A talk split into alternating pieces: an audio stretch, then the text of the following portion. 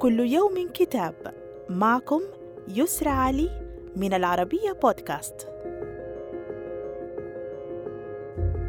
كتابنا اليوم بعنوان سجون نختار أن نحيا فيها.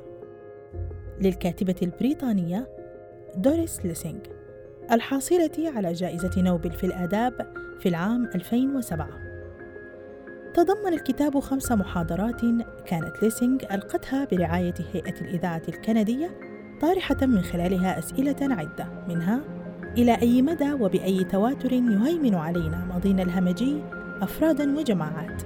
ليأتي ردها أننا في زمن من المخيف فيه أن نكون أحياء حيث يصعب أن نفكر في بني البشر بصفتهم مخلوقات عاقلة. فأينما نولي وجوهنا نرى الوحشية والغباء حتى ليبدو أنه لا يوجد سواهما شيء نراه.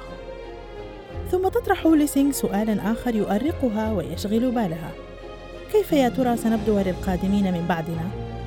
وتذكر أن هذا السؤال لا يأتي من باب تسجية الفراغ إنما هو محاولة متعمدة لدعم قدرات تلك العين الأخرى التي يمكننا اللجوء إليها للحكم على أنفسنا.